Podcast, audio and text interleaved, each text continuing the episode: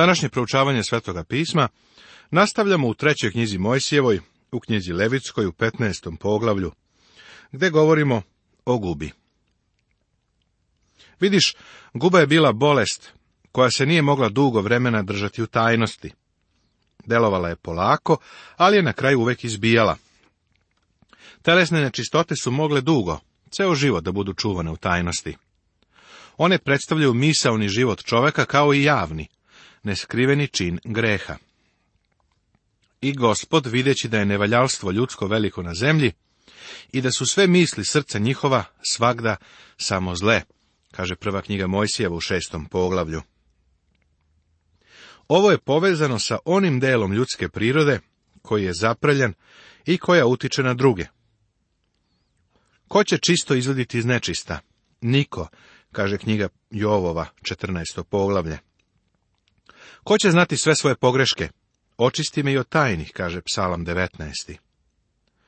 Znam naime da u meni, to jest u mome telu, dobro ne obitava, jer hteti, toga ima u meni, ali činiti dobro toga nema, kaže poslanica Rimljanima u sedmom poglavlju. Ovde imamo sakrivenu čovekovu prirodu. Niko za nju ne mora znati. To je ono što duboko u svom srcu znamo. Da, taj tajni greh može da se prenese na druge. Neki poznati ljudi su komentarisali tajni čovekov greh. Ne vidim ni jednu učinjenu grešku koju sam ne bih mogao učiniti, rekao je Gete. Svaki čovek o sebi zna ono što se ne usuđuje reći ni najdražim prijateljima, rekao je dr. Samuel Johnson. Ne znam kakvo je srce nitkova. Samo poznajem srce vrlog čoveka. I ono je zastrašujuće, rekao je de Meistre. Zađi u svoje grudi, tu pokucaj. Pitaj svoje srce šta zna, pisao je Šekspir. Zašto nema čoveka koji priznaje svoje poroke? Zato što ih još nije odložio. Samo budan čovek može da priča o svojim snovima, govorio je Seneka. Pokora greha je uticala na silu čoveka u umnožavanju ljudskog roda. Čovjek je sposoban da samo stvara svoju vrstu, grešnika kakav je sam. Svaki izvor ljudske rase je zagađen. Mnoga ova telesna nečistota je povezana sa produktivnim organima ljudi. U većini to su društvene bolesti. Užasna prljavština i nečistoća su povezane sa seksualnim gresima. David je vapio Bogu. Pokropi me isopom i očistit ću se, umij me i bit ću belji od snega.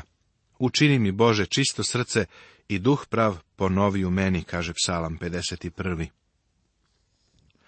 Danas ljudi govore o novom moralu. Ali zanimljivo je da se okreću istim starim bolestima sa tim novim moralom. Današnje društvene bolesti, venerične bolesti dostižu alarmantnu stopu rasta. One imaju epidemijske proporcije po čitavom svetu. Takav je greh. On krade čoveku radost spasenja. Deluje je neobično da Bog tako mnogo govori o tako odbojnoj temi. Međutim, on čoveku daje temeljan pogled na strahotu greha. U ovom poglavlju stičemo neobično sagledavanje greha. Treba da se setimo Pavlovih reči. Sve naime što je unapred napisano, napisano je nama za pouku, da strpljivošću i utehom pisma imamo nadu. Poslanica Rimljanima, 15. poglavlje. Pregled. Očišćenje telesne nečistoće. Poglavlje 15. Telesna nečistoća čoveka stihovi od 1. do 18. Telesna nečistoća žene stihovi od 19. do 30.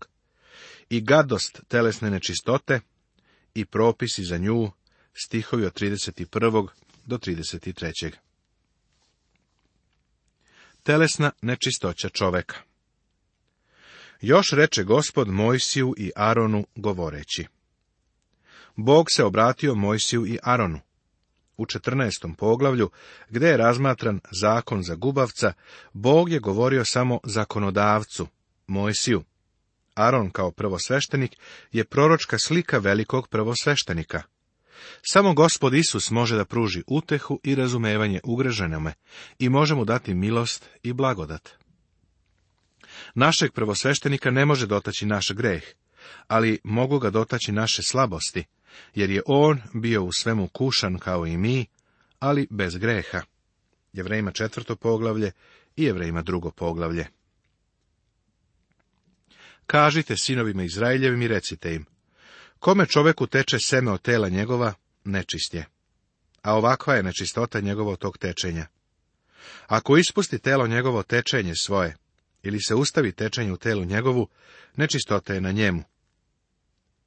Ovaj živi jezik nam otkriva kako je ljudska priroda odvratna, gadna, gnusna, uvredljiva, nečista i krajnje pokvareno. Gnoj greha ističe iz ljudskog srca. Možemo ga vidjeti svuda oko sebe i u nama samima. Nečistota je tu. Ne možemo se dodirivati ramenima da to nema utjecaj na naš život jer je ljudska priroda ne samo pokvarena, nego i kvari. Ti i ja utičemo na druge. Ja svoj život živim u tebi, a ti tvoj u meni. Ne može biti drugačije. Ti si propovednik, znao to ili ne, propovedaš svojim životom. Kada sam bio pastir u gradu Pasadena, poznavao sam vrlo pobožnog čoveka čiji je sin bio alkoholičar. Živeli su nedaleko od crkve. Čovjek je uvek mogao prepoznati kada je ovaj bio, kako se to kaže, pod gasom, jer je na putu kući teturao ulicom, sjedne na drugu stranu. Njegova majka je bila potresena i postiđena, pa me je molila da sa njim razgovaram. Jednoga dana sam ga video kako se teturan iz ulicu, pa sam ga uveo u svoju kancelariju, da sa njim popričam. Rekao sam mu kako je nisko pao, nazvao sam ga grešnikom i sramotom. Nazvao sam ga svim onim imenima kojima možeš nazvati čoveka, a on je samo sagnuo glavu i sve primio. Onda sam rekao, znaš li da ti svojim životom propovedaš? Upitao me je, nazivaš li me to propovednikom? Kada sam mu potvrdno odgovorio, ustao je najbolje što je onako pijan umeo i pokušao da me napadne. Mogao si da mu kažeš bilo šta drugo, samo nisi smeo da ga nazoveš propovednikom. Pa prijatelju, kogod da ti si propovednik. Neke poruke propovedaš svojim životom. Na neke ljude utičeš. Ljudska priroda kvari zato što je grešna. Čak i obnovljen čovek još uvek ima staro, grešno telo. Poslušaj reči gospoda Isusa. A što izlazi iz usta, iz srca izlazi, i to kalja čoveka jer iz srca izlaze zle misli, ubistva, preljube, blud, krađe, lažna svedočanstva, hule. To kalja čoveka, a jesti neopravim rukama ne pogani čoveka. To kaže Evanđelje po Mateju 15. poglavlje. Zapanjujuće je koliko su danas ljudi zainteresovani za religijske ceremonije. Čak i kada ih sprovode, njihovo srce je maksimalno nečisto. Prijatelju, svi imamo takvo srce, ukoliko ga nije očistila krv Hristova. Jakov to vrlo praktično prikazuje. Nego svako podleže iskušenju na taj način što ga njegova sobstvena požuda vuče i mami.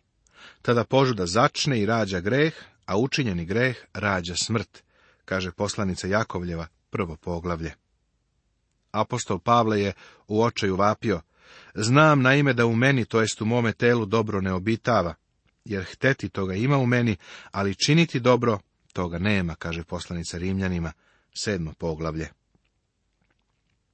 Bol i jad greha može biti vidljiv ili nevidljiv. Može da ispušta krv i gnoj, a može i da se ne pojavljuje površinski, ali je ipak prisutan. Nečistota o kojoj se ovdje govori odnosi se na čovekov umni život i na tajne grehe. Tajni su čoveku, ali otvoreni pred Bogom. Gle, istinu ljubiš u srcu i iznutra javljaš mu mudrost, kaže psalam 51. Ovaj odeljak bi trebalo da ponizi ponosnog čoveka i da mu pokaže kako je krajnje odvratan u svetlu Božijeg prisustva. Slušaj šta kaže David. Samo me tebi zgreših i na tvoje oči zlo učinih, a ti si pravedan u rečima svojim i čist u sudu svojem, kaže psalam 51. Bog je u svojoj reči stalno isticao da je greh krajnje i strašno poguban. Pročitaj knjigu proroka Jezekilja u 16. poglavlju, gde Bog jasno Izraelu pokazuje da u njima nije bilo ni vrline, ni privlačnosti, nego su pred Bogom bili odvratni. Bili su zaprljani i njihov rodoslov je bio loš. Ili pročitaj knjigu proroka Isaije 59. poglavlje, gde piše nego bezakonja vaša rastaviše vas s Bogom vašim i gresi vaši zakloniše lice njegovo od vas, da vas ne čuje. Svaka postelja na koju leže onaj kome teče seme da je nečista, i sve na što sede da je nečisto. I ko se god dotakne postelje njegove neka opere haljine svoje, i neka se okupa u vodi i bit će nečist do večera. I ko sede na ono na čime sede onaj kome teče seme, neka opere haljine svoje i neka se okupa u vodi i bit će nečist do večera. Sve na što sedne, sve što dotakne, nečisto je. Bog brine za lični život svog naroda. Njegov zakon se seže u najsitnije detalje i sve oblasti njihovog života. On ih pazi čak i dok spavaju. Čovjek sa telesnom nečistotom bi zaprljao krevet na kome bi spavao, pa čak i njegovi snovi bili su nečisti. Mnogi ljudi provode besane noći, ali sećaju se greha sa požudnim zadovoljstvom. Bog je zainteresovan za ono što razmišljamo kada legnemo na jastok. On želi da kontroliše i naš misaoni život. U ostalom, braćo, što god je istinito, što god je časno, što god je pravedno, što god je čisto, što god ljubazno, što god je na dobru glasu, ako je kakva vrlina, ako je kakva pohvala, na to mislite, kaže poslanice Filipljanim u četvrtom poglavlju.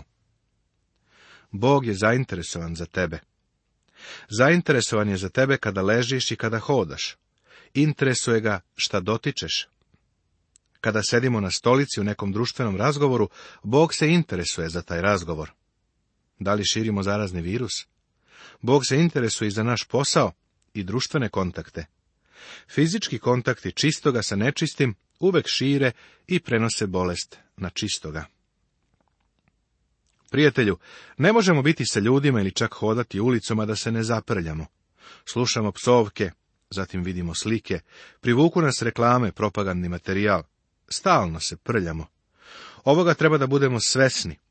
Treba da naš greh priznamo i pred Bogom se očistimo. Svi imamo tu gubu greha, tu telesnu nečistotu, te skrivene grehe.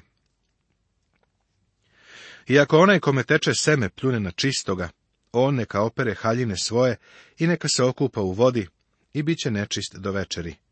I svako sedlo na kom bi sede onaj kome teče seme da je nečisto.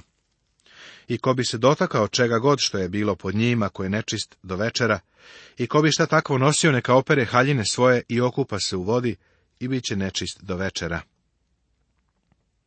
Ovo se seže do onih granice kad se već osoba osjeća odvratno, ali nam to pokazuje gadost greha koji se prenosi kontaktom. Prethodna pravila su se odnosila na ponašanje u kući, a sada se ovo odnosi na kontakt na ulici ili javnom mestu. Neke od ovih susreta i kontakata bismo nazvali slučajnim. Ovoga ima i danas. Vernik se često nađe na javnom mestu ili na ulici, a neka zlobna, podla osoba otvori usta i izbljuje strašne kletve i psovke i neizrecive hule. Ovo je zarazno.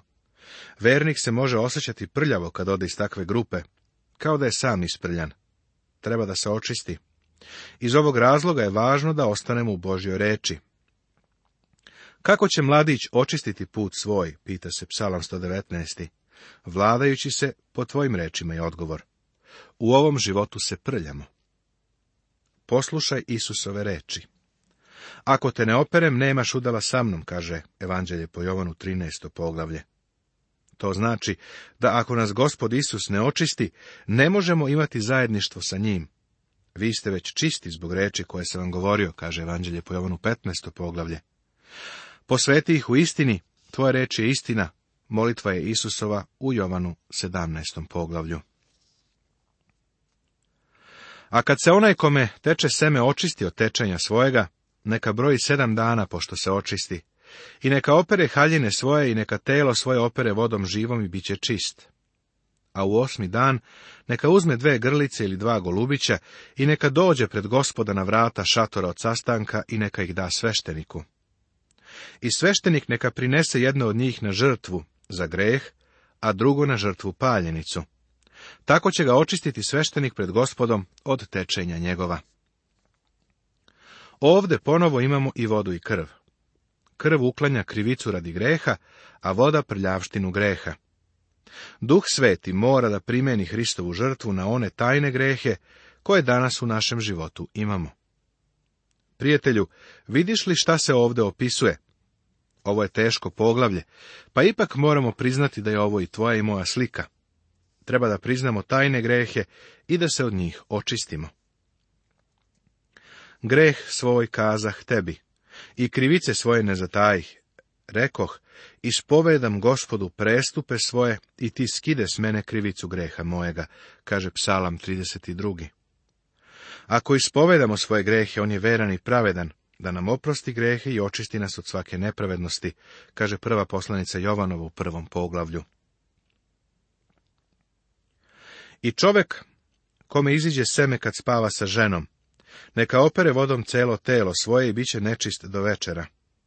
I svaka haljina i svaka koža na kojoj bude tako seme neka se opere vodom i bit će nečisto do večera. I žena kod koje bude spavao taki čovek, i ona i on neka se okupaju u vodi bit će nečisti do večera. Očigledno je da se ovo odnosi na venerične bolesti. Danas su te bolesti ravne epidemiji. Bog nas čuva od tih društvenih bolesti. Bog brine za nastavak ljudske rase. Bog je taj dar dao čoveku radi njegovog dobra i napretka, pa ovaj sistem pažljivo štiti. Čovek je uvek u opasnosti da se ponizi u onome što treba da bude njegovo najplemenitije iskustvo. Naš gospod nas uči da ne svete želje i požudne misli treba izbjegavati, jer su greh. Čuli ste da je rečeno, ne čini preljube. A ja vam kažem da svaki koji pogleda ženu s tim da je poželi, već je učinio preljubu s njom u srcu svome. Zapisano je evanđelju po Mateju u petom poglavlju. Telesna nečistoća žene A žena kad ima vreme, kad jede krvo tela njezina, neka se odvaja sedam dana i koje se god dotakne, da je nečist do večera. I na što god legne dok se odvaja da je nečisto, i na što god sedne da je nečisto. I ko se dotakne postelje njezine, neka opere haljine svoje, neka se okupa u vodi i bit će nečist do večera. I ko se dotakne čega na čem je ona sedela, neka opere haljine svoje neka se okupa u vodi i bit će nečist do večera. Ako bi spavao s njom, te bi nečistota njezina došla na nj, da je nečist sedam dana i postelja na kojoj leži da je nečista. Ovi stihovi se očigledno odnose na nečistoću u toku ženinog normalnog menstrualnog ciklusa. Ona bi se tada odvajala od svojih prijatelja i od svojih bližnjih. Bila je tretirana kao izgnanik i gubavac. Ovo izgleda neobično ozbiljno. Jedino objašnjenje koje možemo ponuditi jeste da je ovo podsjetnik na čovekov pad, kao što je zapisano u prvoj knjizi Mojsijevoj. Kazna je bila smrt. Čovek je bio opominjen na to da je imao loš početak i da ne posjeduje ništa čime bi se mogao pohvaliti. Grešni čovek može da izazove samo greh. A žena od koje bi išla krv dugo vremena, ili osim običnog vremena ili u obično vreme, ali duže, Dokle god teče nečistota njezina bit će nečista kao u vreme kada se odvaja. Postelja na kojoj leži dokle god krv ide, da je kao postelja kad se odvaja, i na čem bi god sedela da je nečisto kao što je nečisto kad se odvaja. I ko se god otakne tih stvari nečist je. Zato neka opere haljine svoje, okupa se u vodi i bit će nečist do večera. A kad se očisti od tečenja krvi svoje, neka broji sedam dana, pa onda da je čista. I u osmi dan neka uzme dve grlice ili dva golubića i neka ih odnese svešteniku na vrata šatora od sastanka. Ovaj odeljak se bavi abnormalnostima. Ovde nam se daju pravila za odvajanje i činjenica da ona zagađuje krevet na kome leži, svakoga ko bi dotakao stvari koje ona zagađuje. Također nam objašnjava žrtvu koju mora da prinese kada se očisti od ovog problema. Ovo nam pruža izvestan uvid u molbu koju je imala žena koja je dugo bolovala od krvarenja, a koja je došla Isusu radi isceljenja, što je zapisano u Evanđelju po Luki u osmom poglavlju. Zakon je nju izopštio iz kontakta sa drugima, ali je ona ipak dodirnula Isusa. Zakon je nju izolovao iz hrama i od javne Hristove službe. Gospodnja blagodat je nju iscelila i obnovila, a Isus je pohvalio njenu veru. Isus je izvor za očišćenje nečistota našega srca. Nastavit će se.